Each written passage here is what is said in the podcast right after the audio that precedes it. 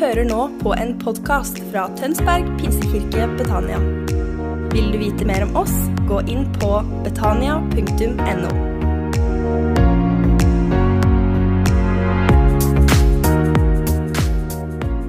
Tusen takk til lovsangen. Skal bare gi en eh, round of applause for the lovsang. Det er jo litt blanding av engelsk og norsk. Så bra. Går det bra med dere? Går det bra med dere? Det er bra. Er dere glade til å være våkne i dag? Det er bra. Ny søndag, ny dag, nye muligheter. Vi får lov å stå opp i dag, men helt Vi får lov å stå opp i dag fri. Er ikke det helt fantastisk?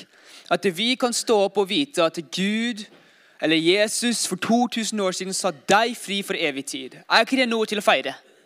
Er dere, er dere klare for å feire det? For vi skal gjøre nattverd etterpå, vi skal, vi skal være fellesskap etterpå. Det kommer til å være så bra. Men la oss bare alltid ha i bakhodet at det, for 2000 år siden så var det en person som døde for deg, så du kan stå her, eller sitte her, fri. For evig tid. Full, det er ferdig. Det er liksom It's done. Alle synder, alt som du har noen gang gjort, ferdig. Lagt i graven, ferdig. Og vi får lov å stå her fri i dag. Er ikke det helt fantastisk, dere? Er dere enige med det der? Så bra. Så bra. Jeg måtte bare, måtte bare si det. Fordi det er så viktig at vi går inn i gudstjeneste med det perspektivet. Ja, jeg sto opp om morgenen i dag, og jeg, liksom, jeg ville ikke ut i senga. Fordi klokka var eh, rundt syv, og det var fortsatt mørkt ute. Og I går når jeg sto opp, da hadde jeg ungdomsmøte dagen før, så jeg må bare rettferdiggjøre meg selv. Fordi da la jeg meg seint. Og da sto jeg opp rundt ti, og da så jeg snø ute. Og da sa jeg nei. Gud, nei. Det her gidder jeg ikke. Så, så jeg lå i senga for en halvtime mer. Og skulle håpe det, at det kom sol etterpå. Men en ting som jeg har eh, på en måte fått lov å, å huske på i dag spesielt, er at eh, jo, det er eh, skyer og, og drittvær og alt det der, men jeg er fri. Jeg er fri. Så bra. I dag skal jeg tale, skal ikke tale så veldig lenge. Jeg tror det er så herlig det som lovsangen eh, på en måte var på der, så jeg tror vi skal bare, egentlig bare fortsette med lovsangen etterpå. etter jeg er ferdig å tale. Um, men jeg skal ikke holde på så veldig lenge. Men det jeg skal snakke om, er kanskje noe nytt, kanskje det er noe du har hørt før, men jeg tror det er en påminnelse vi alle trenger å høre. Og Temaet som vi har hatt i det siste, er en del av noe større. og De siste gangene så har temaet vært liksom Vi er alle en del av på en måte et kropp, eller vi er en del av, av en kropp. Jeg vet ikke om noen av dere var her med Kleiner som hadde den uh, personen her. Um, og den personen hadde på en måte eller Hånden på en måte funka med bein, og det funka ikke sammen. Hvis, nå må jeg bare komme tilbake. De jobba sammen for noe større. på en måte. At hånden gjorde noe som kroppen som foten kunne ikke gjøre. Men alle de, håndene, alle de delene nå er vi forvirrende, alle de delene jobba til at kroppen skal funke. Men en ting som jeg satt og tenkte på, at eh, Vi har kanskje snakket om kirke og fellesskap, men i dag skal vi snakke litt om vår individuelle liv. Kanskje litt mer om hjertet, kanskje litt mer om sjelen. Kanskje litt mer om hvem vi er. Fordi en ting som jeg tenkte på er at eh, Hånda funker bare hvis hånda vet hva den skal funke for. Hånda funker ikke hvis det skal funke som en fot. Da, er vi apekatter som går sånn der. Hånd funker bare hvis den vet hensikten hånden kan brukes til. Skjønner du hva jeg mener? Og Da må hånden vite at jeg vet, jeg vet hvem jeg er. Jeg vet hvem Gud har kalt meg til å være. Nå snakker jeg for hånden sin skyld. Jeg vet at jeg har en hensikt. Og La meg dele noe til dere nå. At alle dere er en del av det store bildet. Alle dere er en del til å fullføre det store bildet som Gud gjør i denne generasjonen, i denne verden i dag. Om du vil det eller ikke, så er du en del av det. Alle dere er delt på en måte å sette et puslebrikke inn på puslespillet. Men noe som jeg tror er så viktig, er at vi må vite hvor vår del er. Det er ikke bare de som står her oppe og taler. Det er ikke bare de som er med på lovsangen, eller de som har noe til å gjøre på en gudstjeneste. Det er alle dere som sitter i salen i dag, som har en hensikt, som har et brikke til å spille i det store puslespillet.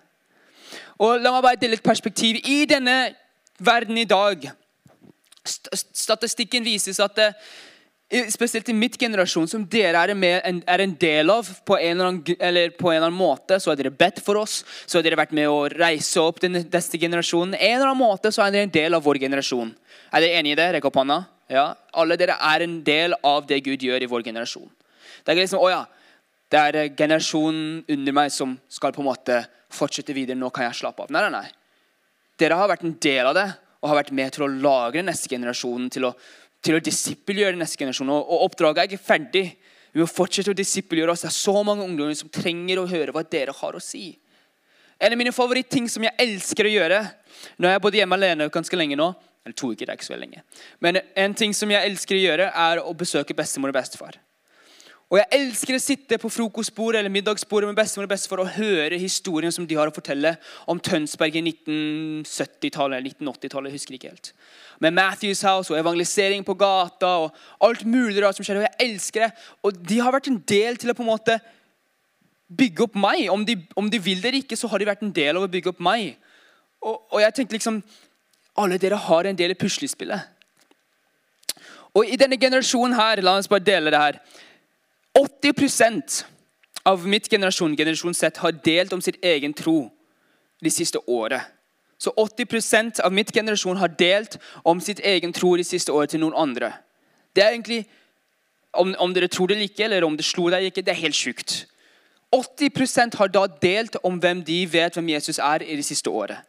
52% av mitt generasjon, altså det som dere også er med til å bygge opp, sa at ja, jeg er villig til å se på mitt fremtidige yrke til å være misjonær i et unådd folkeslag. 52% er over halvparten. Det er også statistikk, det er ikke helt sikkert, men at Iran er den raskeste altså kirken som, som går raskest akkurat nå.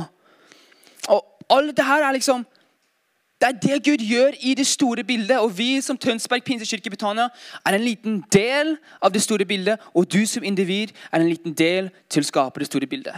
Så la oss snakke om oss som individ. ok? Er det good? Ja? La oss ha litt respons. Ja? Så bra. Ok, Så du som individ, da har vi en oppdrag. Og oppdraget vårt er til å først søke Guds ansikt først. At vi kan bare vite vårt oppdrag om vi vet hvem som gir oss oppdraget. At uh, om jeg var James Bond, eller jeg vet ikke hvem som var en spion, men alle kjenner James Bond. Rekker på han hvis du kjenner James Bond. Ja. Så bra.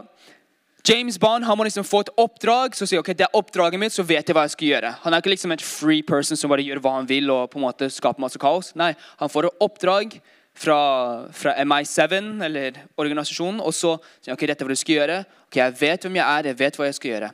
Og først må vi på en måte møte han som er, gir oss oppdraget. Så jeg skal dele um, Jeg skal dele fra Malakai 1,6. Så hvis dere har en bibel, så kan du snu der eller gjøre hva dere vil. Men jeg skal i hvert fall, det kommer opp her. Men uh, hvis du har en bibel, så gjør det. Så skal jeg lese, så kan dere følge med. Og bare dele litt perspektiv. Liksom, det her er ikke liksom Del det med liksom en åpen hjerte. At det, det Gud deler her, er fordi han har noe større.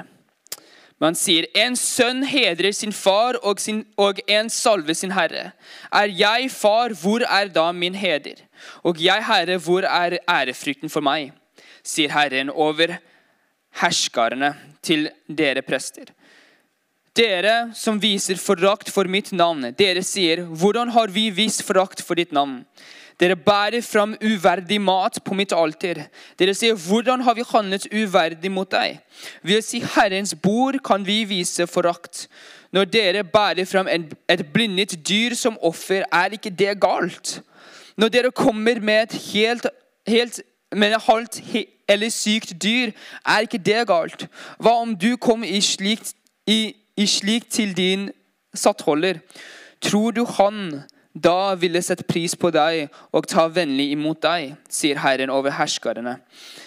Og nå be om velvilje for Guds ansikt, så han viser oss nåde. Men når det kommer slikt fra deres hånd, kan han da ta vennlig imot deg, sier Herren over herskerne. Herskaren, jeg vet ikke om jeg sier riktig, men herskerne. Om bare noen av dere ville stenge tempeldørene, så dere ikke forgjeves. Tenner opp ild på mitt alder, alter. Jeg har ingen glede av dere. Det er ganske direkte, sier Herren over herskarene.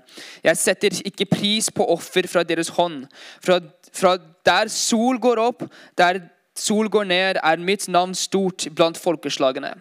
Overalt blir det tent offerild og, og båret frem rene offer i mitt navn. For mitt navn er stort blant folkeslagene, sier Herren over herskerne. Men dere vanhelliger det når dere sier at Herrens bord er uverdig, at maten på det foraktelige frukt dere sier, for et strev, og blåser av det, sier Herren over herskerne. Dere kommer med dyr som, som er røvet, og med halte eller syke dyr. Når dere kommer med offer, skulle jeg sette pris på noe slikt fra deres hånd, sier Herren. Ok, Det var ganske lang. Skjønte dere litt konteksten av det? Jeg skal dele konteksten, så slapp av. Så I gamle dager i det gamle testament så skal man gi et offer til Gud Um, heldigvis så må ikke vi gjøre det lenger, men fordi Jesus er offeret. Men i gamle dager så skulle vi gi en offer til Gud.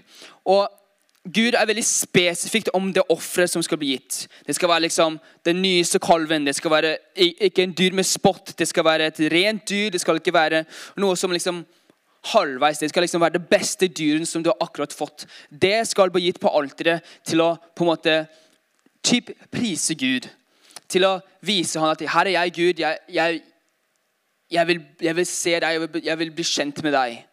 Det er sånn offer til Gud, for han fortjener det.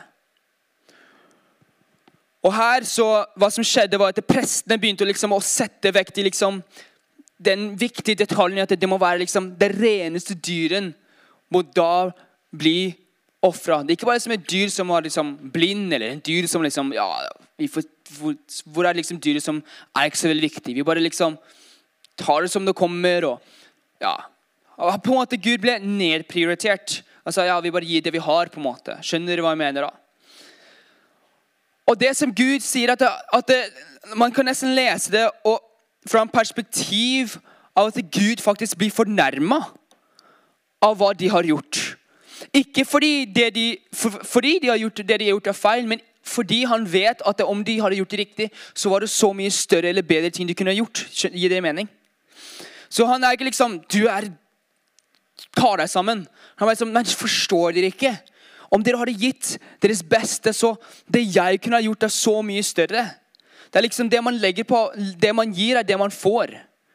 Om jeg gir mitt beste, så, så kommer resultatet til å være det beste.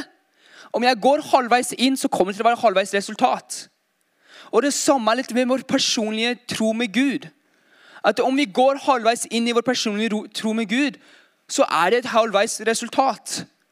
Men om vi går helhjertet inn med vårt personlige tro med Gud, så er resultatet alt som Gud kan gi deg. Om man på en måte betaler La oss ta en flybillett. Om du betaler økonomi- eller economy-flybillett, så får du en ganske dårlig sete. Det er alt man har. ikke sant?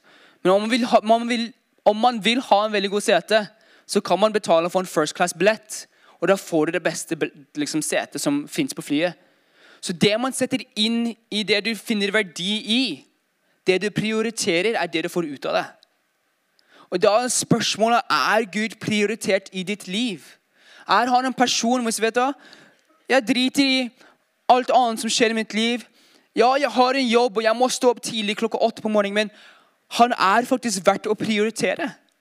Eller er Gud på en måte den Ja, få se om, han, om, jeg får tid for en liten bønn i dagen.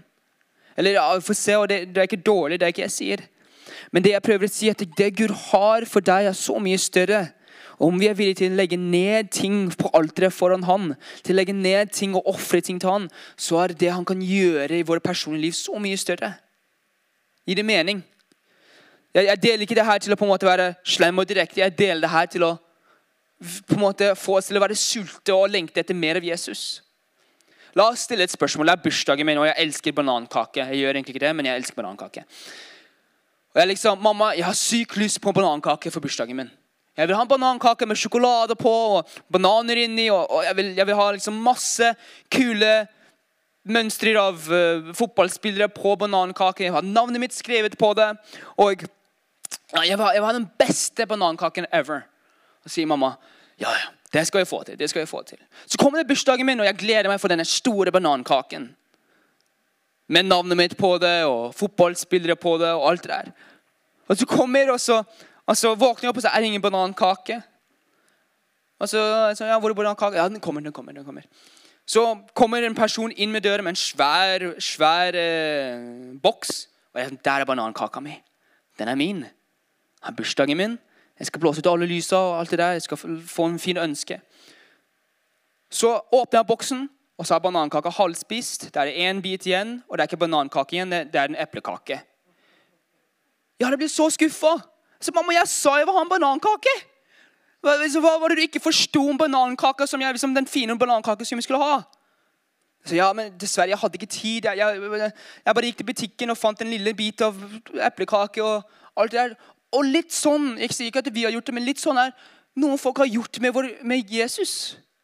At Han må ha hele deg. Han må ha på en måte han som prioritert som først i vårt liv. Og vi har liksom sagt ja, jeg gir en eplekake og en liten bit av det i hverdagen. Eller en gang, en gang i året. Eller til og med kanskje ja, jeg kommer, jeg kommer litt på, på, julaften. Det er liksom da jeg kommer. Men spørsmålet er er Gud så prioritert i vårt liv at det, er Gud, alt Alt jeg eier, alt jeg har, det, det, det er for deg.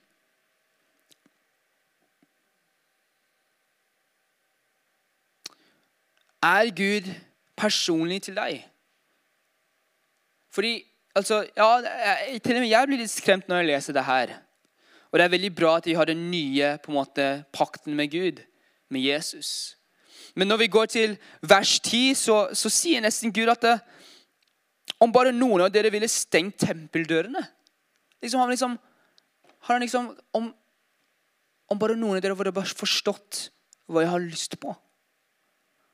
Jeg vil være prioritert. Og da, på en måte, når vi prioriterer han, så er vi en del av det store bildet. I det siste så, så Jeg deler her fordi det er ganske relevant i mitt liv. i det siste, fordi jeg har på en måte eh, ja, jeg har, jeg har, tid med Gud hver eneste dag. Det er en prioritering i mitt liv. Men det har på en måte blitt at det, når det passer i min hverdag, så funker det.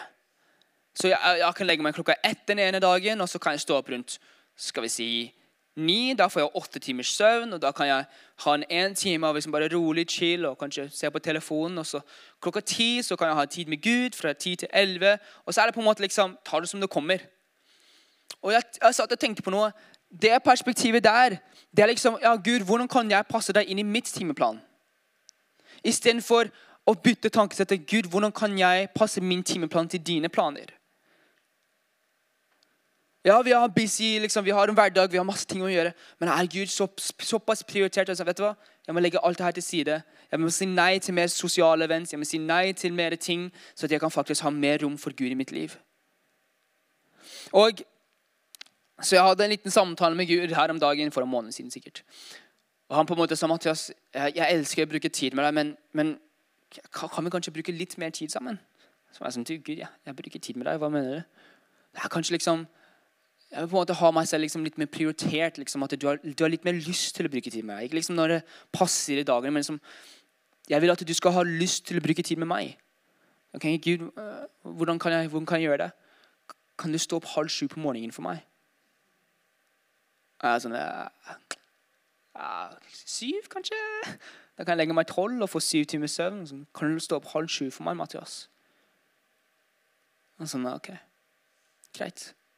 Så da har jeg måttet justere alt. på en måte. Ok, jeg må, jeg må, si nei, jeg må dra hjem fra vennene mine raskere. Og når de spør meg ja, men hvor skal du, så, jeg skal bruke tid med Gud. Høres litt teit ut, men ja, jeg må bruke tid med Gud på morgenen.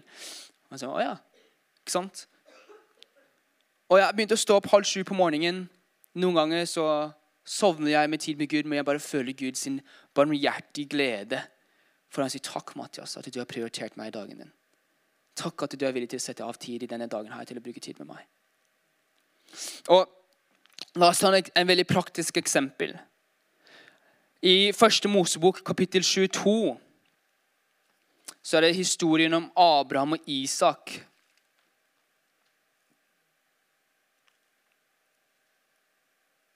Skal vi se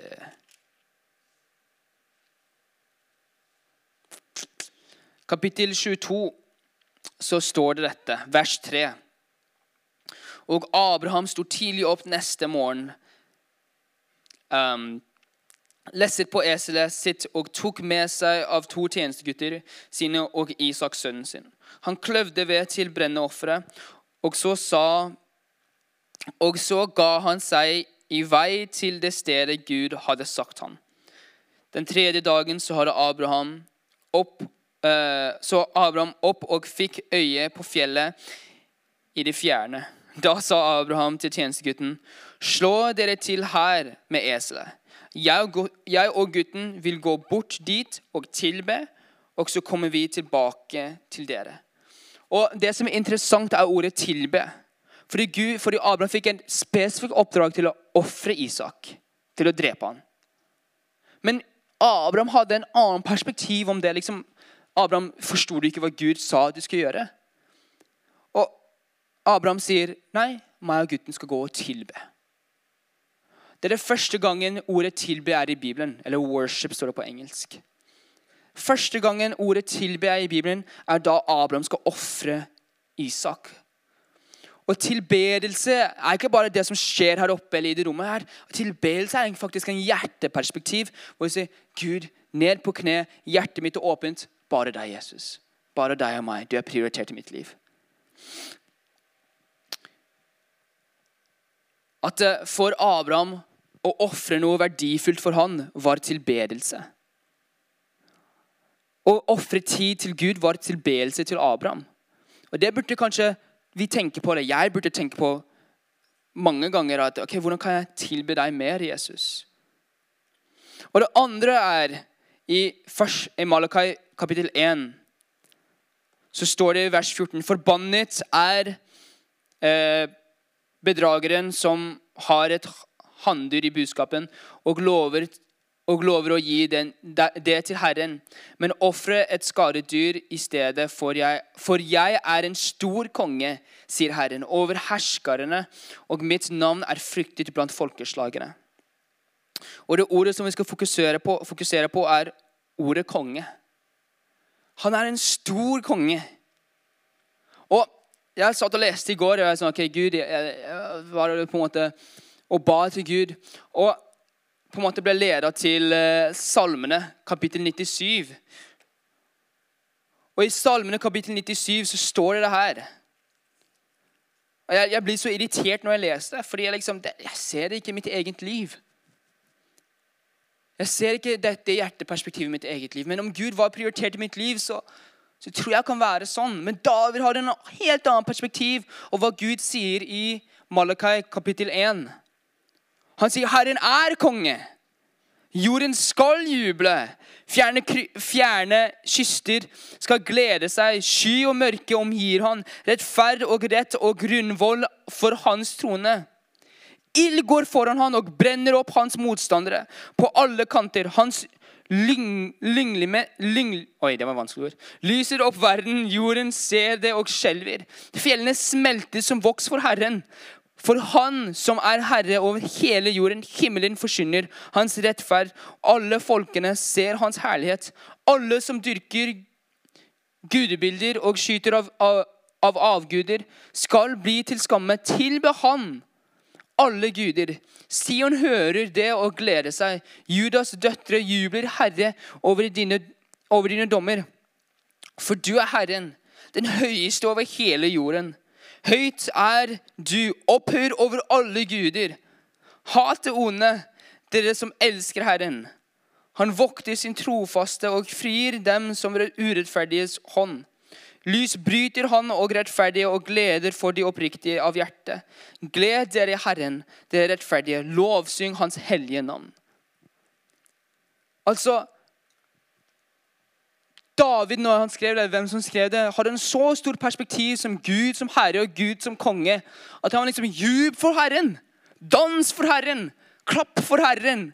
Han har gjort, gjort alt rettferdig igjen. Og dette var før Jesus døde på korset. At Han hadde ikke på en måte den perspektiven at Jesus han er, han er god, han er kjærlig, han døde for meg. Nei, han hadde bare Det gamle testamentet. altså Toran, de første fem Mosebøkene. Og han sier, 'Jubel for Herren'. Han er konge overalt. Han har skapt alt og er i alt og, og alt det der, men han er konge. Og David på en måte danser og jubler. altså, Vi har lest, har kanskje hørt historien han danser, og så blir kona hans liksom fornærma fordi han danser med liksom lite klær på foran Herren. Men bare la oss bytte perspektivet oss på hvem Gud er. Han er ikke en død, kjedelig Gud som sitter der oppe. Han er ikke en Gud som bare sitter på tronen sin. Ja, ja, ja, mine folk. Han er en Gud som jubler og danser for sine folk. Og David er samme person som jubler og danser foran Herren. For han har forstått han er konge. Han har på en måte prioritert i hans sitt liv. Når jeg var i USA for en måned siden cirka, så ble jeg så irritert på meg selv. Fordi jeg sitter her med masse amerikanere. og la oss, eller Jeg vet ikke om det er noen amerikanere i rommet her, men de er, litt, de er litt crazy noen ganger. De er høylytte, de liksom snakker veldig høyt. Og det er veldig bra. Det er ikke noe dårlig i hele tatt. Jeg har en amerikansk kjæreste, så jeg får lov å si det. Um, og jeg ser da masse, liksom, masse amerikanere som danser og jubler og hyler. og er liksom, det her, det her er feil, det her er feil. Det her er ikke sånn jeg er vant til å gjøre det hjemme. Og de liksom ikke sant, det er liksom, Hopper og jubler og danser og synger og skriker og alt det der. Jeg bare sånn, Og det er, en, det er på en lovsang. Det, noe, det var ikke noe fest. Eller Sånn, det var på en lovsangskveld. Jeg var liksom Det her er Det her er rart. Men jeg elsker det. Så jeg liksom inni meg selv sånn, ok, Mathias, du må prøve å danse litt, eller prøve å hoppe litt. eller... Og Det var ikke en hoppelåt engang. Det var kanskje en rolig låt. og jeg bare sånn, jeg er helt klin kokos. Og jeg satt og tenkte liksom, men liksom, Jeg som har liksom, har liksom blitt litt interessant i teori, som, er det her bibelsk? er det alt det her, lite spørsmål. Så leser jeg 97, kapittel 97, salme 97, 98, 99 og 100. Alt det der bare les når du kommer hjem. Og så bare får man perspektiv. Ja, men hallo, det her er lovsang. Danse og juble og synge og hendene løfte opp. Fordi David hadde en så på en måte ren perspektiv om Gud er, og han kunne gjøre det. Fordi Gud var en person som var prioritert i hans liv. Altså, Hva var det David gjorde når han bare tok vare på sauene? Nei, Han gikk dypt inn i Guds herlighet. Han gikk dypt inn til å vite hvem Gud var. Det var liksom han bortkasta tid å si. Nei, Han gikk dypt til å kjenne hvem Jesus er. La oss tenke, liksom, la oss tenke litt annerledes om hvem Gud er. Han er på en måte, han vil ha hele deg, han vil bli prioritert. Og Med den prioriteringen hvem Gud er, så kommer det et hjerteperspektiv og sier, 'Gud, jeg vil danse og juble for deg.' Jeg elsker det. Jeg elsker å være rundt amerikanere fordi de lager meg føle så ukomfortabel. Men så liksom, jeg, sånn vil jeg være. på en måte. Skjønner du? Det er sånn litt konflikt inni meg. Det er så sykt bra. Det er så sykt positivt. Så med det så må jeg komme tilbake til notatene mine her.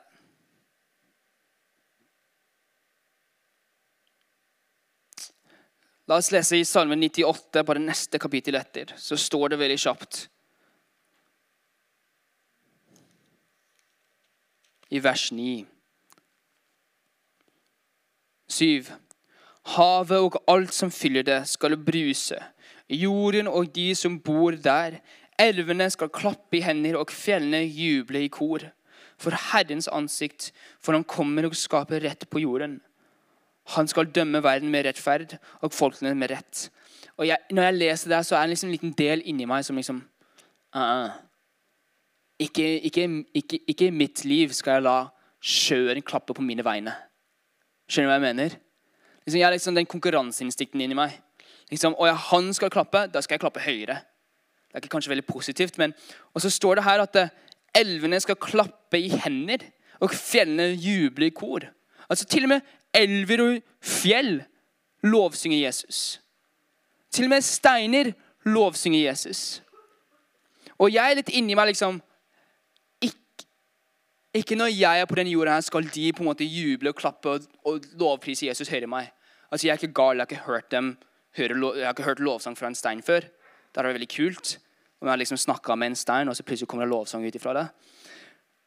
Men, det er liksom, ok, men hvis Gud sier at det, til og med naturen som han har skapt, lovsynger han Gud, gjør det i meg at jeg vil lovsynge deg mer enn en stein. Skjønner du hva jeg mener? Så la oss på en måte komme i den perspektivet der. Og du kan tenke ok, Mathias, veldig god, jeg vil prioritere Gud i mitt liv, men hvordan skal jeg gjøre det? Ok, Det er veldig bra, fordi jeg skal bare gi noen praktiske tips som jeg gjør det. Men det er ikke riktig hvordan jeg gjør det. Det er hvordan jeg gjør det. Men om på en måte jeg bare tror liksom, det her, er, det her er en tale som jeg taler til ungdommer nesten hver eneste år. Kanskje en gang i måneden til og med. For det er noe som vi må bare alltid huske. Å prioritere Jesus. Og jeg tror det er like viktig for oss eldre folk enn det er for ungdommene. Kanskje ikke til og med mer viktigere for oss. Men i Bibelen så Eller eh, til å snakke litt personlig om hvordan jeg gjør det, så var det litt som jeg delte i stad. Okay, halv sju på morgenen så har jeg en vekkerklokke på. Jeg prøver å komme meg ut i senga så fort jeg kan. Nå er det litt kaldt ute, så det liksom tar litt lengre tid. for jeg liker dyna mi. Og så er jeg rett til Bibelen. Så setter jeg vanligvis meg ned foran Bibelen, åpner opp til en bok som jeg vet jeg skal lese. Liksom, okay, det her er hvor jeg skal lese nå.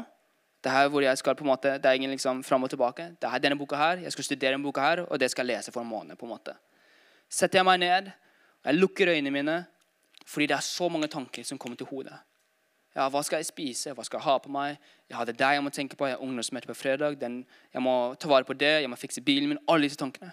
Så vanligvis så setter jeg meg bare ned og bare sier, Gud, alle disse tankene, det ser du, det kan du, jeg gir det til deg. Vanligvis helt stille. Bare meg og Gud. Det er liksom bare meg og han. Det er fantastisk. Og Jeg kan sitte der og høre Gud, hva er det du forteller om meg? Hvem er jeg? Så kan Gud si du, du er min, hjertes sønn. Mathias, du er stemmen min for den neste generasjonen. Eller Osvald, du er hyrde over en flokk av masse generasjoner. Og det er sant, Osvald. Du er en hyrde for så mange, mange mennesker. At man kan sitte og få den identiteten som Gud har kalt oss til å være. Bare høre og lytte, høre og lytte, snakke. Jeg vanligvis sier til ungdommene mine at de sier liksom jeg, 'Jeg hører ikke hans stemme. Jeg føler han aldri.' Og sier, ok, Når du ber til Gud, hvor ofte av den tida som du bruker med han, er du stille? Jeg sier, nei, jeg, jeg ber 90 og snakker og babler 100% av tida. Det er ikke så rart du ikke hører hans stemme. Du har aldri vært stille og hørt ham. Noen ganger må man være stille og bare høre. Høre han snakke. Og så vanligvis så bare setter man ned og leser boka. Leser Bibelen. Fordi det er Guds ord. Han har talt gjennom den. Det er liksom, Om du vil høre Guds stemme, gå til Bibelen. Der har han lagt 66 bøker hvor vi kan få høre om hans identitet, det han skal gjøre i verden, det han har gjort i verden. Det er liksom en hel bok av oppskrift av en relasjon med Jesus. Så ta oss ned og bare lese Bibelen for kanskje mellom 15 og halvtime. Og så har jeg vanligvis to-tre nasjoner som jeg ber for. Det første jeg ber for Myanmar. Der bare ber jeg for dem. Kanskje det er Norge, kanskje det er generasjonene. Noe sånt, men noe som du ber for til å på en måte connecte hjertet med Jesus. Og på den måten der så har jeg på en måte tatt Gud inn i mitt hverdag. og sagt, Gud, du har prioritert det er første ting jeg gjør. Du har prioritert mitt liv. Jeg tar deg med i hverdagen. Det er en quote at en person sa jeg ber aldri lenger enn 15 minutter, men det er aldri mer enn 15 minutter jeg ikke ber. Skjønner du hva jeg mener? Alltid konstant i bønn. Paulus sier det. Jeg alltid, alltid er i bønn. Og det andre, som, som er kanskje en, en, liten råd, er jeg har begynt å lese Efeserne. Og på en måte bare prøvd å pugge det. Jeg er straks ferdig. Jeg sa jeg skulle tale kort, og så talte jeg lenge. Det er så typisk meg. Men går det bra med dere? Så bra. Jeg håper dere er våkne. Jeg er ikke for sjel til å høre på. Og så må jeg bare si at uh, måten som jeg sa nå, det er, ikke, det er ikke den riktige måten. Det er bare som jeg gjør det. Kanskje hjelper dere litt. Kanskje dere gjør det enda bedre enn meg. Det er ingen konkurranse. Det er bare måten du vil møte Gud på. Hvordan du vil se på Han på. Livet ditt kommer til å bli forandret når vi prioriterer Han og lovsynger Han som konge. Men det er en bønn i, først, i Efesene kapittel 1. Så sier han dette. Så sier han dette. Hvor er det jeg skal hen? 17. Jeg ber om at vår Herre Jesu Kristu, Kristi, Guds herlighet Far, må la dere få en ånd som gir visdom og åpenbaring, så dere lærer Gud å kjenne. Må Han gi dere lys til hjertenes øye, så dere får innsikt i det håpet Han har kalt dere til, hvor rike og herlig Hans arv er for de, de hellige, og hvor overveldende hans kraft er hos oss som tror. Og Jeg begynte å be den, de, de versene der hver eneste dag nesten. Men som Gud, fins det faktisk mer? Altså, Vi snakker om en del noe større. Ja, vi er en del noe større. Det fins faktisk mer. fordi Paulus ber en bønn at du skal få Guds ånd av visdom og åpenbaring om, om, om Gud. Du skal få vite han enda mer av hans sitt og at dine hjerter skal bli åpna til å vite håpet som han har kalt deg til. At du skal gå i kraften som han har gitt deg. Og at du skal få lov å ta del i riket som, han, som er vårt arv. på en måte. Jeg er liksom Gud, er det mer? Altså, I Efesene kapittel 3 så, så, så, sier Paulus det igjen. det er To kapittel senere så sier han dette. Må Han som er rik på herlighet, gi dere indre menneske kraft og styrke ved sin ånd. Må Kristus ved tro bo i deres hjerte, og dere så, så rotfester og grunnfestet i kjærlighet. Må dere sammen med alle de hellige bli i stand til å fatte bredden og glenden og høyden og dybden. Bredden, lengden, høyden og dybden. Liksom, Gud, hva er det? La oss komme inn til Guds nærvær, lovsang sammen, med den samme barnslige troa som vi hadde når vi var kanskje 19 år gammel.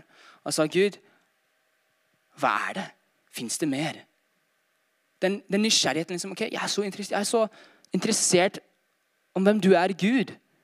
La meg prioritere deg, for er det mer Gud? At Han er ikke på en måte en sidegreie, men han er prioritert i vårt liv. Og alt som jeg kommer til å knytte det her til, er nattverd. For det er en historie i Lukas 24. Vi snakker om prioritering av Gud og til å på en måte ha Han først i vårt liv. og At han, vi skal på en måte bli bedre kjent med han, og vi skal lovsynge han som konge, som, som han fortjener å bli lovsynget på. Og Alt det her knyttet til én person, og den personen der er Jesus. Og hva som skjer, er at Jesus han dør og reiser, og, og reiser opp fra graven. Og så er det en, en, en, bibelhistorie som heter 'Veien til Emmaus'. To personer som går, og de snakker om Jesu død.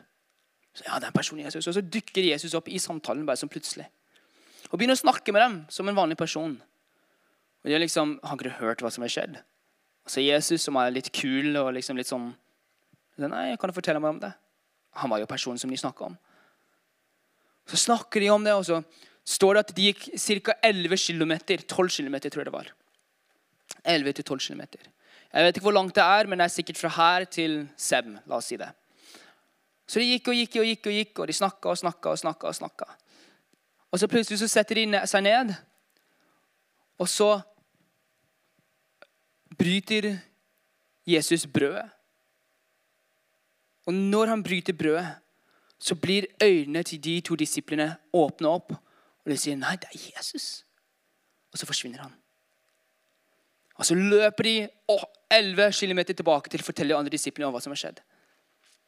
Og Grunnen til å fortelle denne historien her, når vi skal gå inn til nattverd, at eh, vi kan bare prioritere Jesus om vi vet hva han gjorde på korset. Vi kan ikke bare gjøre, gjøre ditt og datt. Vi må vite hvorfor vi gjør det. Og vi gjør det fordi å, fy søren, fins det en Gud som er så god, som sendte sin sønn Jesus til å komme og dø for meg? Å, fy søren, fins det en Jesus som faktisk la oss ned til hele liv til å dø for meg og reise fra døden tre dager senere? Han vil jeg prioritere. Han vil jeg bli kjent med. Han vil jeg elske mer.